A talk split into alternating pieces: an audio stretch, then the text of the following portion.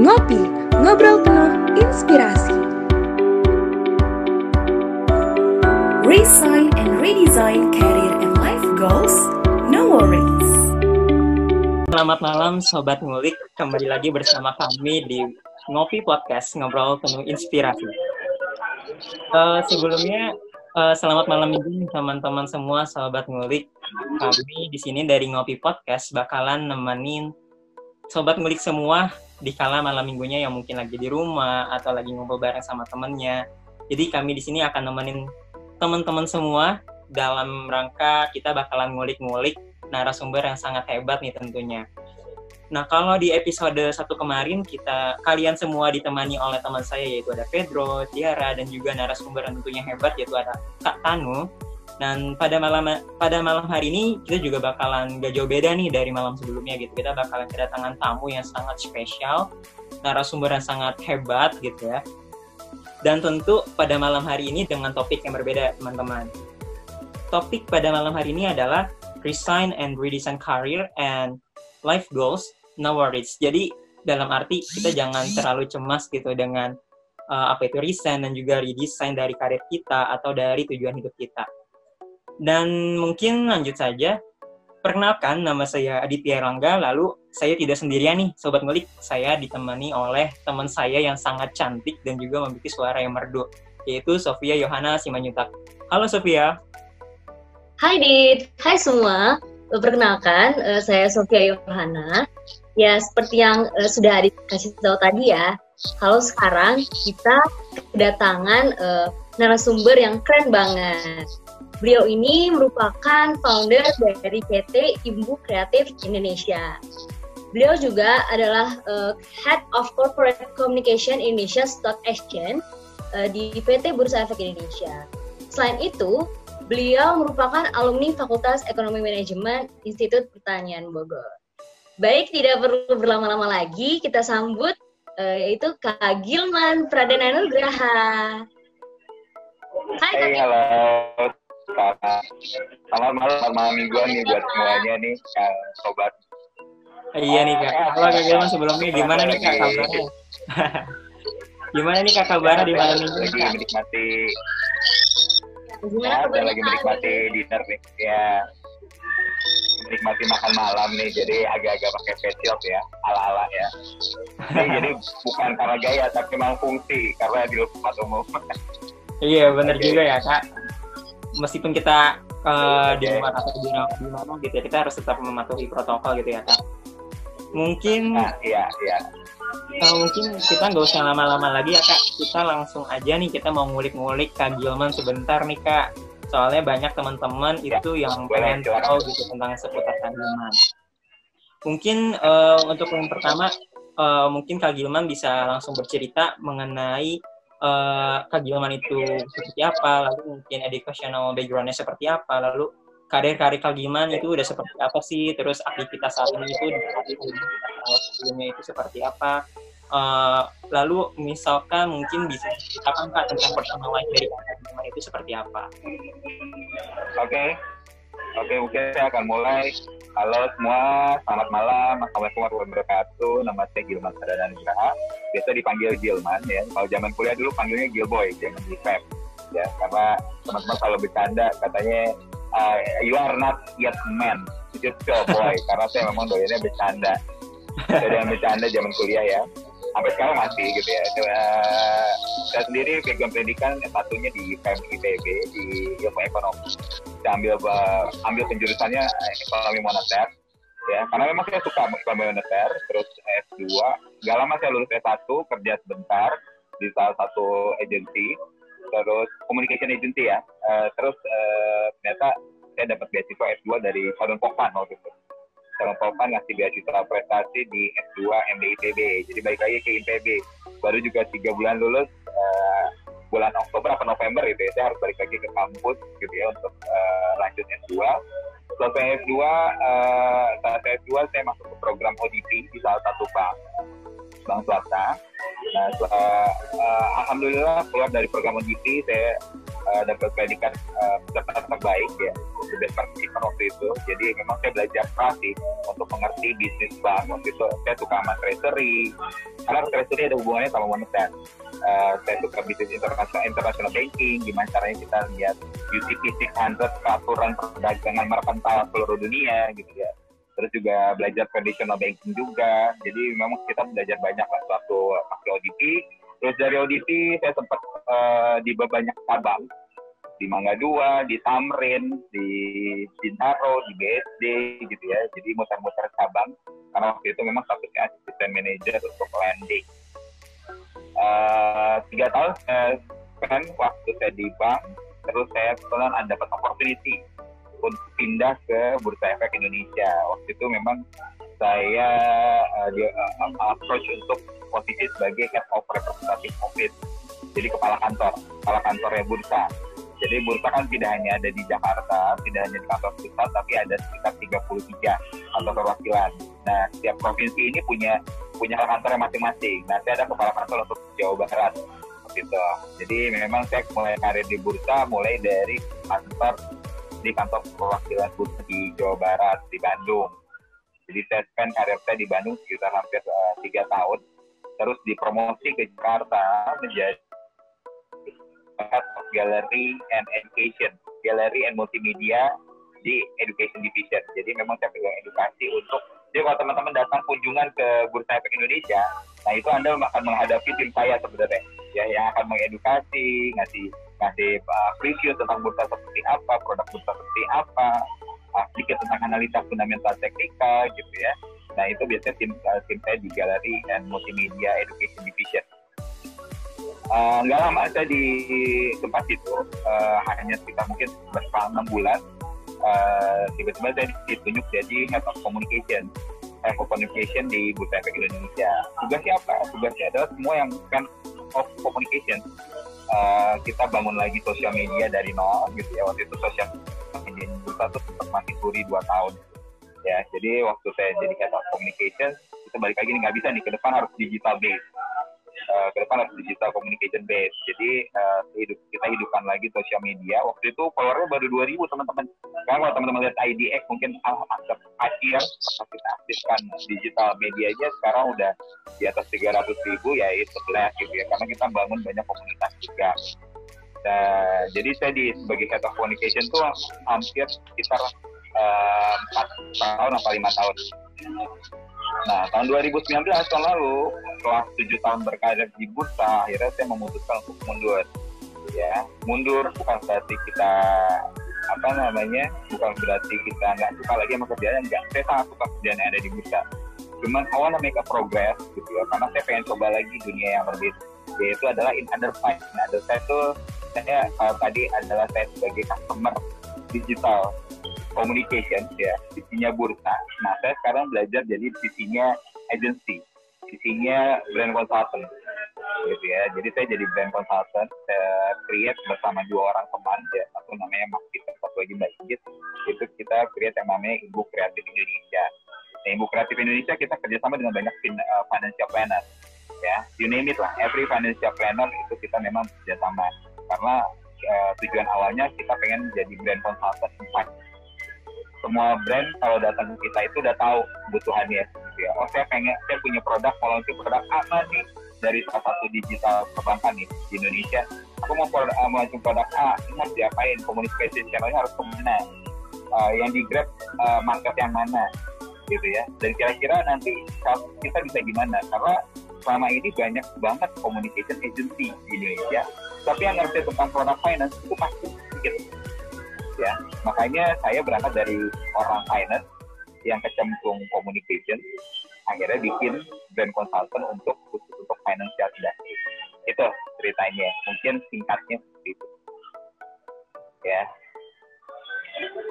boleh uh, Mbak Sofia, Mbak Mas Adit silakan. Wah, kita keren banget ya. Aja ya. Pengalaman karir yang cukup panjang dari finance sampai communication juga. Oke kak, jadi berdasarkan pengalaman karir tadi, pengalaman pekerjaan yang uh, kakak lalui tadi, uh, aku mau nanya nih kak, menurut kakak sebenarnya dengan perkembangan dunia saat ini, perlu nggak kita itu pindah-pindah pekerjaan atau bahkan loyal di satu pekerjaan aja untuk selamanya atau bahkan sampai pensiun di satu pekerjaan? Menurut kakak gimana? Oke, okay, makasih Sofia. Sebenarnya nggak masalah kalau mau loyal, nggak ada yang salah sama itu, nggak ada yang salah sama itu ya. Oke, okay? jadi balik lagi ke personal masing-masing. Balik lagi kalau misalnya kayak saya ditanya, man lu kalau jadi investor tipe mana? Investor ada beberapa tipe. Nah, investor tuh ada yang memang long term, biar ke long term. Ada yang memang dia jadi trader gitu ya. Ada yang memang uh, misalnya uh, oh dia pengennya adalah experience gitu ya, experience learning. Ya kalau buat saya sendiri sebagai personal, eh sorry, uh, kita bicara personal, uh, kita bilang um, risk profile masing-masing ya. Kalau tadi yang mau ya silakan. Anda berarti tipikalnya ada risk first kalau jadi investor ya kan? Anda anda pengennya menghindari risiko yang nyaman-nyaman aja yang penting BPJS ada gitu ya terus pensiun ada gitu kan? E, gaji nggak apa-apa deh gitu-gitu aja. Itu kalau memang ada tipikal seperti itu mau loyal seumur hidup boleh silakan. Dan anda ngeliatnya mungkin oh ini karir pathnya masih panjang. Banyak banget katanya nih yang bisa naikin silakan ya. Tipikal yang kedua ya mungkin kayak saya sebenarnya antara risk moderate sama risk taker ya di mana saya berpikir bahwa waktu itu batas kalau ini buat saya. Waktu itu terbatas. Jadi once uh, kita spend di satu tempat ya udah kita belajar itu. Di satu tempat itu sendiri. Dan kamu di company banking lah. Waktu itu saya di banking waktu saya banking, saya belajar segala macam tentang international banking, treasury, uh, traditional banking gitu ya, scheme kredit dan lain sebagainya. Pokoknya the whole banking uh, product. Nah, setelah saya ngerasa cukup, oh I know everything about banking. Terus waktu saya kerja, saya cuma cuma belajar tentang eh, kalau kerja, setelah ODP saya kerja ya, uh, cemplung praktek gitu ya. Dan saya hanya apa namanya incar di lending. Akhirnya yang berkembang adalah lending skill saya international banking sama treasury skill saya hilang gitu ya. Nah ini yang sebenarnya jadi trade off saat kita akhirnya dicemplungin satu kerjaan kita taunya jadi ekspertis di kerjaan tersebut kita lupa. Padahal dulu kita belajar banyak yang sebenarnya masih bisa diekspor. Makanya dari banking saya pindah ke bursa karena saya suka sisi makroekonomi moneter. Jadi saya belajarlah di bursa. Belajar tentang investment makroekonomi gitu ya. Uh, how how the global market will affect our market gitu ya. Semuanya ada di situ. Nah saya belajar dari bursa sampai saya ngelotok nih. Tujuh tahun tuh menurut saya udah ngelotok gitu ya. Nah setelah itu apa? Ya saya I want to try another uh, page yaitu adalah communication. Yang memang ya, kayaknya jarang nih kita menemuin uh, brand consultant. Saya ngeliatnya opportunity ya. Saya nyari brand consultant yang memang ngerti tentang financial product. Saya ngerti tentang FMCG product produk banyak banyak brand consultant yang jago ya makanya banyak jadi brand consultant yang Unilever, Indofood, Amazon nah itu adalah fast moving customer goods tapi kalau terkait produk finance nggak semua orang komunikasi bisa dan tahu tentang produk finance makanya saya adalah orang finance yang belajar komunikasi di balik. Makanya saya pikir itu jadi opportunity. Jadi balik lagi adalah anda mau dengan bergantung tipikal Anda masing-masing. Kalau Anda risk, risk averse, ya Anda pasti akan akan loyal di tempat Anda. Kalau Anda jadi PNS, ya udah jadi PNS nanti seumur hidup. Karena kan nanti juga ada jaminan buat PNS. Ya, kalau saya tipikal yang memang risk moderate dan para risk taker. Karena saya berpikir waktu yang terbatas. Ya, waktu kita yang terbatas. Saya sekarang udah umur 35 loh. So, uh, if I'm wondering apa aja sih yang udah kita lakuin uh, selama 10 sampai 11 tahun berkarir gitu ya setelah saya uh, selesai S2 oh ternyata aku tahu tentang customer marketing aku tahu tentang banking aku tahu sekarang tentang uh, brand and communication gitu ya. Ada tiga hal yang saya udah pelajari 10 tahun terakhir. Cuma kalau saya cuma di banking aja mungkin saya hanya pakai cuma banking. Dan itu pun bisa sekarang uh, dengan turunnya uh, performance bank di saat pandemi ini juga. Akhirnya kita tadinya beralih ekspansi menjadi defensive. Itu kan memang uh, pilihan masing ya. Uh, tapi saya pikir sama kok nanti kalau kalian pindah tuh akan kalian akan mengalami, fase yang namanya pindah nggak ya? Pindah nggak ya? Pindah nggak ya? Waktu saya di banking bilang man sayang lu ODP lu udah assistant manager segala macam sabar dikit nanti jadi tim cap. Gitu kan Dikit tapi ditincap. Tapi maksud saya bukan masalah jadi tincapnya, tapi adalah waktu kita terbatas. And, uh, kita nggak pernah tahu depan tuh kayak gimana. Mendingan saya I'm trying new one. Dan saya serius, climbing fast. Kalau jadi jadi, kalau enggak enggak, saya akan gitu lagi gitu loh. Jadi uh, saya tipikal yang memang uh, move and climb fast. Pindah uh, manjatnya cepat ya. Kalau nggak manjatnya cepat nanti kita kelibat orang. Karena balik lagi kan kita udah mengorbankan waktu. Waktu saya pindah dari banking ke capital market ilmu banking saya kan harus saya keep dulu. Saya akan belajar capital market dari nol. Mau nggak mau saya harus cepat nih belajar ya biar bisa nyusul yang lain. Eh sebenarnya prinsipnya seperti itu sih. So ya ya. Jadi nggak masalah pilihan orang. Ya. Ya hmm, jadi uh, masalah pindah atau menetapnya di kerja tersebut sebenarnya itu tergantung dari uh, si pekerja itu sendiri ya kak. Nah kalau yang saya tangkap tadi sebenarnya ada kata-kata apa ya yang mendukung ke arah passion gitu ya kak. Jadi sebenarnya mau dia pindah atau dia nggak betah atau dia tetap mau di tersebut sebenarnya itu kembali ke passionnya si pekerja tersebut. Jadi kayak misalnya apa gitu apa sebenarnya passion dari si Dika gitu sehingga ya kita tahu gitu ya. Uh, tapi mesti diingat ya, kadang waktu kuliah kita punya passion A, dan passion yeah. itu iya. bisa berubah loh.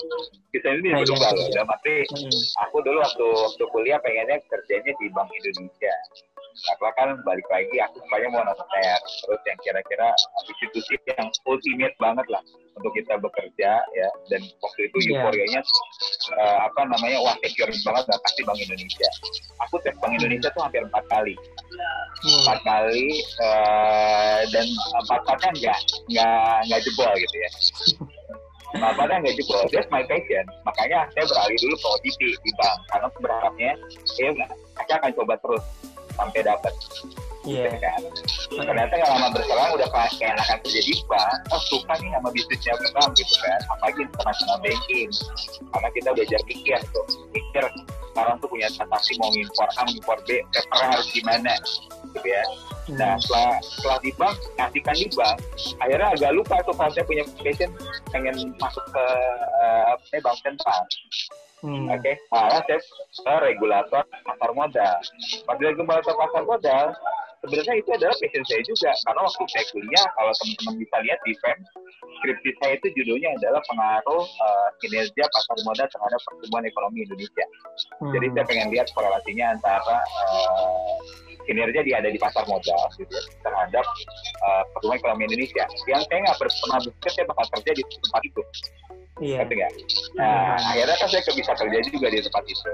Dan waktu saya di bursa, di bursa dan waktu uh, di edukasi, saya pernah mengedukasi pejabat-pejabat Bank Indonesia yang notabene adalah pejabat-pejabat yang menolak saya waktu saya waktu rekrutmen.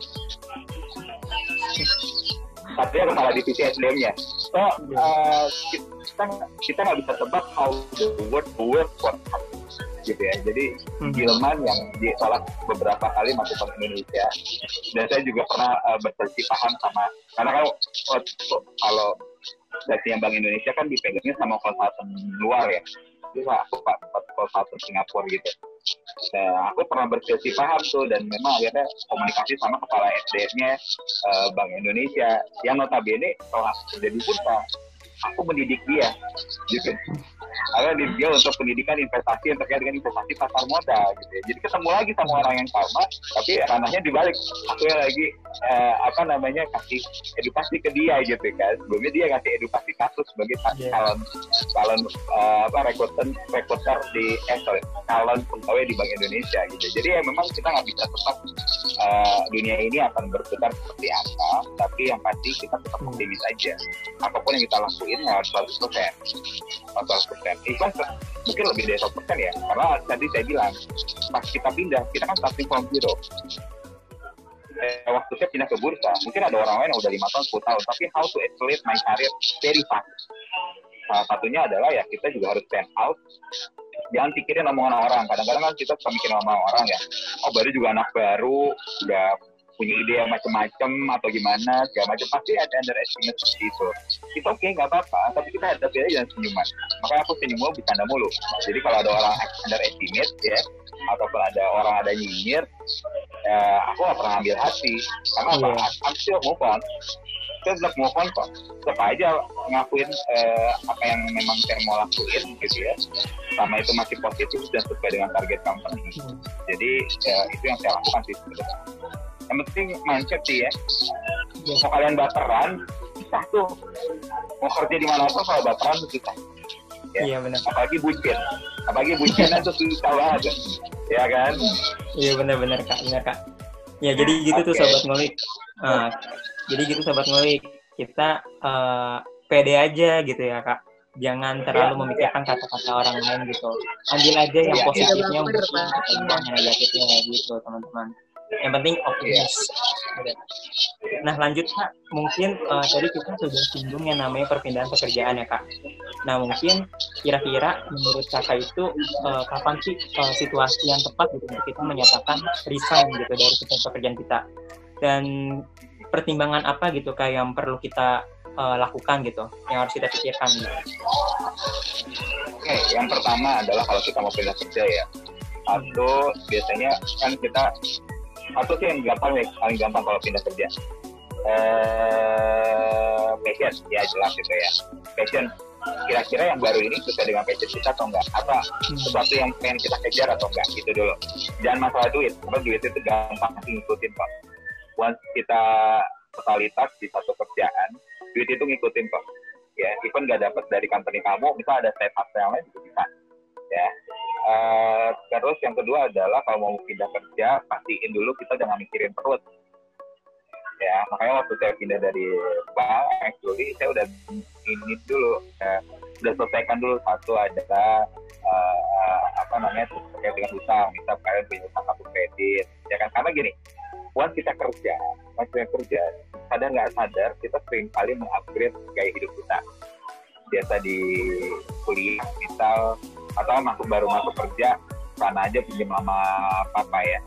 Sana aja pinjam sama orang tua gitu kan. Eh pantopel nyari deh yang murah gitu kan ini paling once sudah kita berkarir tempat tuh pasti kita gaya hidup kita naik.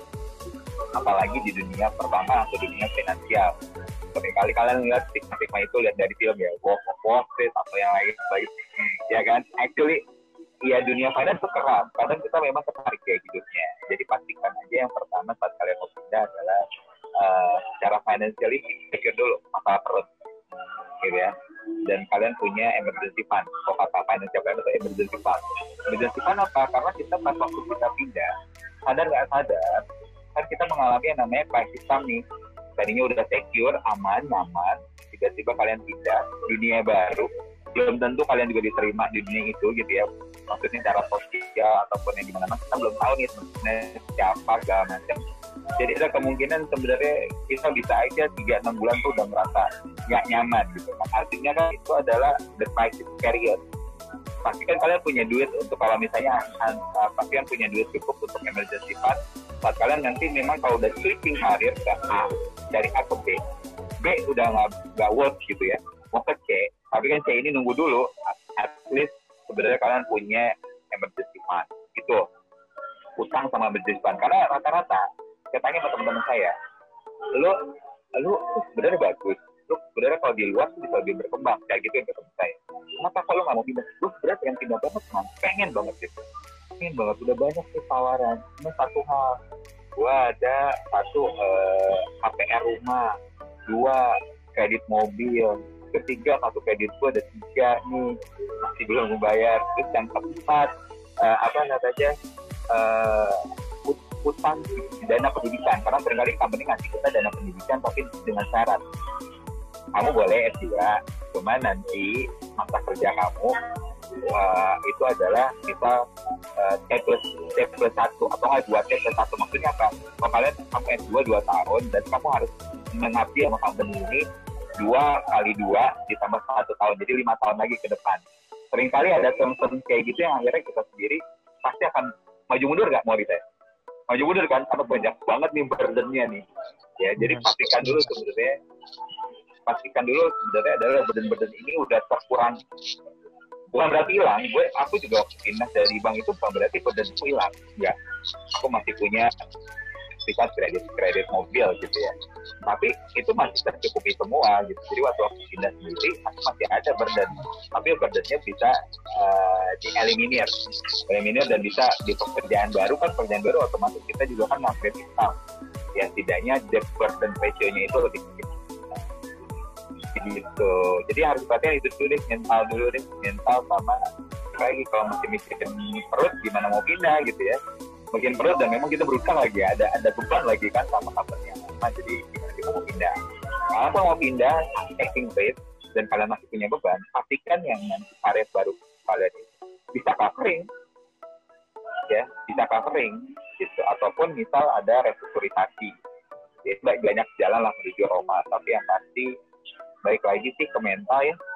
Ada juga orang yang nggak punya berbadan apa-apa tapi nggak mau pindah-pindah karena dia udah ngerasa nyaman aja di situ ya udah kerjanya cuma di sini doang uh, beresin paper gitu ya atau enggak kerjanya gampang masih bisa pulang dulu atau gimana sehingga akhirnya kita sendiri nggak berkembang. Saya menurut saya sangat menyayangkan sih kalau misalnya banyak talenta talenta bagus yang akhirnya mereka nggak bisa berkembang karena mereka katanya udah ada zona nyaman lah nggak perlu pengembangan diri lagi. Di situ kadang-kadang yang salah buat saya ya. Tapi mungkin buat orang lain ah, saya benar-benar aja. Untuk stay gitu. Mungkin itu kali ya.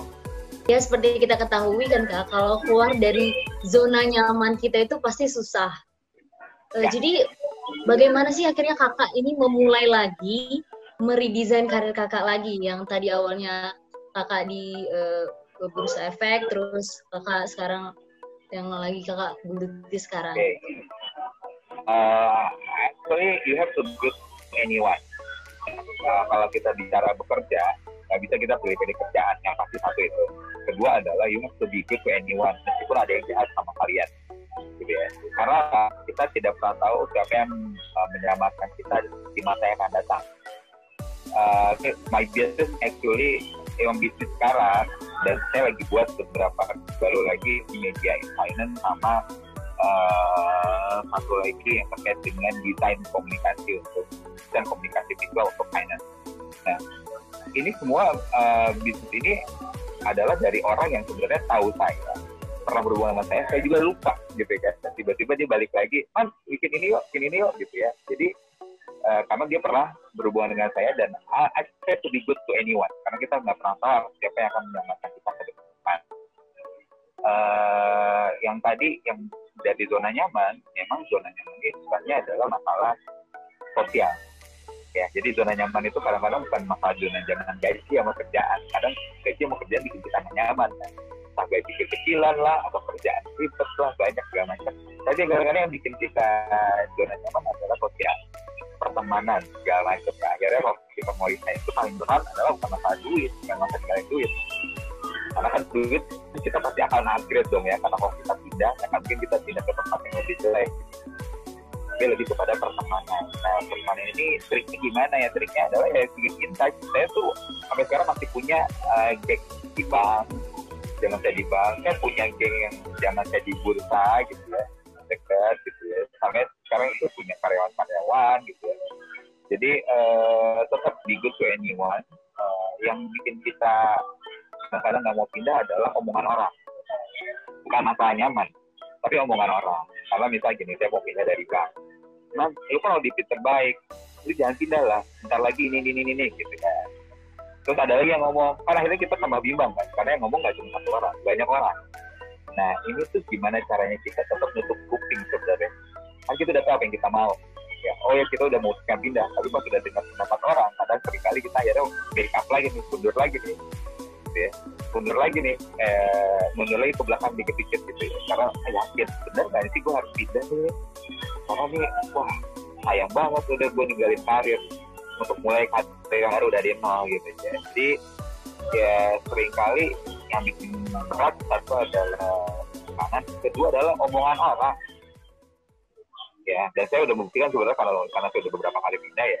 Ya udah uh, just do it aja. Karena apa uh, there's no progress in comfort zone itu aja saya selalu bilang comfort is the enemy of progress. Comfort itu bentuknya dari development. Ya kalau kalian udah nyaman tuh pasti nggak mau ngembangin diri.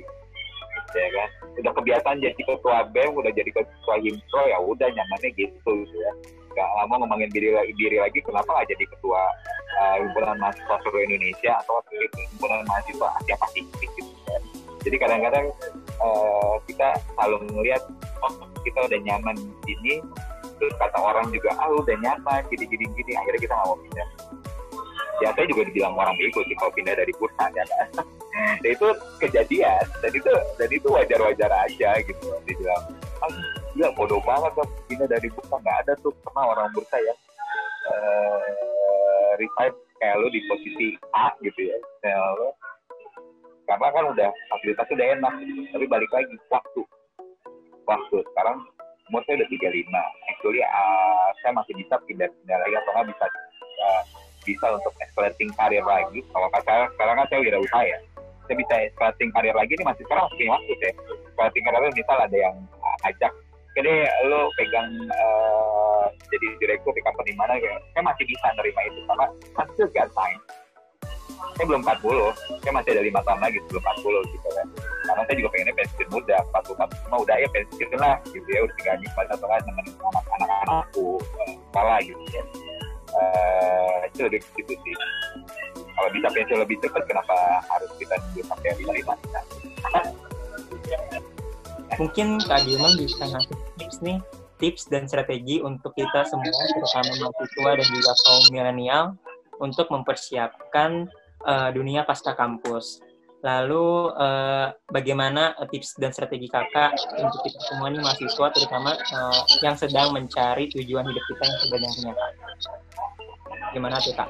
Oke, okay. balik lagi nggak pernah ada tempat yang salah ya. Menurut, menurut saya kalau nanti kalian terima di karir A, karir B, itu udah jalan hidup. Pertanyaannya adalah udah jalan udah jalan hidupnya yang kalian harus coba. Pertanyaannya kalian bisa nggak jadi uh, yang terbaik gitu. Gitu ya. ya jadi kalian harus tetap ada mental kayak gitu. Jadi mau apa pun karirnya apa pun karir yang kalian coba pertama kali mungkin ada yang karir yang kalian kalian bisa jadi yang terbaik di situ? Karena after itu kalian bisa escalating ke tempat lain yang mungkin akan sesuai dengan passion anda. Akan sesuai dengan passion anda. Uh, ada empat hal sebenarnya yang saya ingin uh, kasih tips buat teman-teman. Yang pertama adalah yang perlu kalian punya adalah teman yang banyak. Itu, itu sebenarnya saya ngerasa juga gitu ya. Jadi uh, berteman tuh boleh harus banyak-banyak ya. Kata orang kan temen tuh harus pilih-pilih mas. Enggak kalau buat gue temen gue gak pilih-pilih. Gitu ya. Cuman kalau ada teman yang udah ngerugiin teman udah kita blacklist aja gitu ya. Udah blacklist aja. Tapi berteman tuh nggak boleh pilih-pilih. Karena balik lagi kita nggak pernah tahu siapa yang menyelamatkan kita di masa yang akan datang. Ya sekarang saya creating bisnis dari teman yang memang udah nggak pernah ketemu saya sejak SMP. Dari, dari, yang, uh, yang pertama itu. Pertama kita berteman dengan orang kedua adalah pastinya kita butuh nyali. Nah nyali ini gimana sih kan nyali? Tadi aku nyali pindah nyali resign nyali creating new business gitu ya. Itu dapatnya dari mana sih? Ya dapatnya dari adalah ya kalau kita biasa ngerjain sesuatu 100% pasti nyali kita tuh ke bawah. Ya dan ya, namanya nyali ini namanya juga nyali keberanian kan? Nggak mudah memang harus adanya di sini ya. Dan jangan dengerin orang. Jangan dengerin orang. Persepsi orang aja. Jangan di jangan dikirkan dulu. Lo tahu apa yang lo mau pak? Lo tahu mau kejar ya, ya udah jalanin aja. Tutup kuping dulu. Ya karena sering kali kita mundur karena persepsi orang. Belum tentu orang itu juga benar. Ya coba dulu aja. Apa pun kalaupun gagal kemas apa editan aja gagalnya. Ribuan kali gitu loh ya. Uh, terus yang ketiga tadi ada teman kita bicara tadi kedua ada ketiga adalah knowledge. Knowledge penting nggak? Penting banget. Penting banget. Karena apa? Meskipun kalian kerjaannya A tapi kalian belajar knowledge B sama C. Kalian punya nilai tambah. Jadi knowledge is a real power. Jadi biarpun anda kuliahnya adalah manajemen terus anda belajar tentang agronomi anda belajar tentang uh, dok kedokteran hewan itu bisa jadi nilai tambah juga buat anak kalian. Makanya tempat kan IPB itu ada minor apa gitu ya yang nggak yang nggak tahu nyambung sama majornya. Karena balik lagi knowledge apa pun itu pasti akan kepake kok teman-teman. Ya. Nah, saya sekarang di komunikasi ya saya nggak pernah belajar komunikasi waktu di IPB gitu ya. Tapi saya sekarang belajar brand uh, communication brand consulting juga gitu ya. Uh, itu adalah karena saya memang belajar belajar atau tidak di situ cari-cari ikut uh, seminar yang punya orang gitu ya. Ikut uh, marketing conference dan lain sebagainya sehingga tahu teknik uh, apa namanya trik digital marketing yang terbaru dan lain sebagainya. Ya, jadi knowledge power jadi temannya di knowledge yang uh, pasti sebenarnya uh, akan hati ya gitu ya. Nah uh, balik lagi Tuhan tuh nggak tidur gitu ya. Jadi kalau kalian kita kerjanya juga 100 persen nah balik lagi kita juga 100 persen jadi nggak perlu uh, hiraukan lah tentang rezeki karena rezeki itu nanti ada sendiri kok. Nah, kita kita survive kok. Maksudnya creating bisnisnya nggak tahu saya bakal bisa survive nggak tiga sampai enam bulan. Ternyata I'm surviving until now we creating a good uh, profit gitu kan. Uh, terus juga kita bisa uh, banyak company-company lagi gitu. Jadi uh, itu sih sebenarnya kita lihat positivity. Itu sih mungkin ya. Oke kak, berarti sobat ngulik harus tahu ya berarti tadi dari kajian gitu. Yang pertama, kalau kita mau mempersiapkan dunia pasca kampus kita yang pasti mulai sejak ini kita juga harus memiliki banyak teman itu yang pertama. Lalu yang kedua kita harus punya nyali sobat ngulik. Jangan takut-takut atau apa gitu kita harus punya nyali gitu. Yang ketiga penting banget itu knowledge. Knowledge itu sangat penting ya jadinya sobat ngulik. Dan antara kita mungkin uh, yang kita bahas awal-awal gitu mengenai passion. Jadi uh, sobat ngulik harus tahu passion uh, sobat ngulik itu apa, apakah nanti pekerjaan sesuai dengan passion sobat ngulik atau yang lainnya gitu. Mungkin uh, gitu. Kalau menurut Sofia gimana Sof? Ya setuju banget buat uh, yang dikatain tadi sama Adit tuh setuju banget aku. Terus selanjutnya itu menurut aku waktu itu terbatas ya. Seperti kata Kak Gilman tadi itu benar banget. Waktu itu terbatas. Jadi ya explore aja apa yang kita bisa lakukan dan apa yang kita suka sesuai passion itu sih Betul. Nah, Kak Gilman mungkin karena kita waktunya udah habis nih Kak, mungkin ya. ada uh, sedikit closing statement dari Kakak untuk kita semua, terutama untuk sobat ngulik yang ada di rumah mungkin Kak. Uh, Oke, okay. closing statementnya adalah be positif aja, ya, uh, selalu positif dalam hidup, hadapi aja dengan ceria lah ya. Eh, nggak uh, perlu baperan uh, intinya rezeki itu akan selalu ada. Kalau kita memang mau tunggu-tunggu ya kan? Kalau kita mau tunggu-tunggu dan kita mau uh, komitmen di situ. Jangan dengerin jangan banyak dengerin nyinyiran orang ya. Karena nanti nyinyiran-nyinyiran itu ujung-ujungnya kita jadi pujian juga kok. Kalau kita bisa melewati itu semua ya mungkin itu mungkin dari saya ya gitu sobat ngulik kita harus tetap berpikiran positif jangan terlalu banyak kemakan sama omongan orang lain Terima kasih untuk Sobat Ngulik yang udah ngedengerin Ngopi Podcast kali ini. Dan jangan lupa untuk tetap stay tune di Ngobrol Penuh Inspirasi selanjutnya. Bye-bye!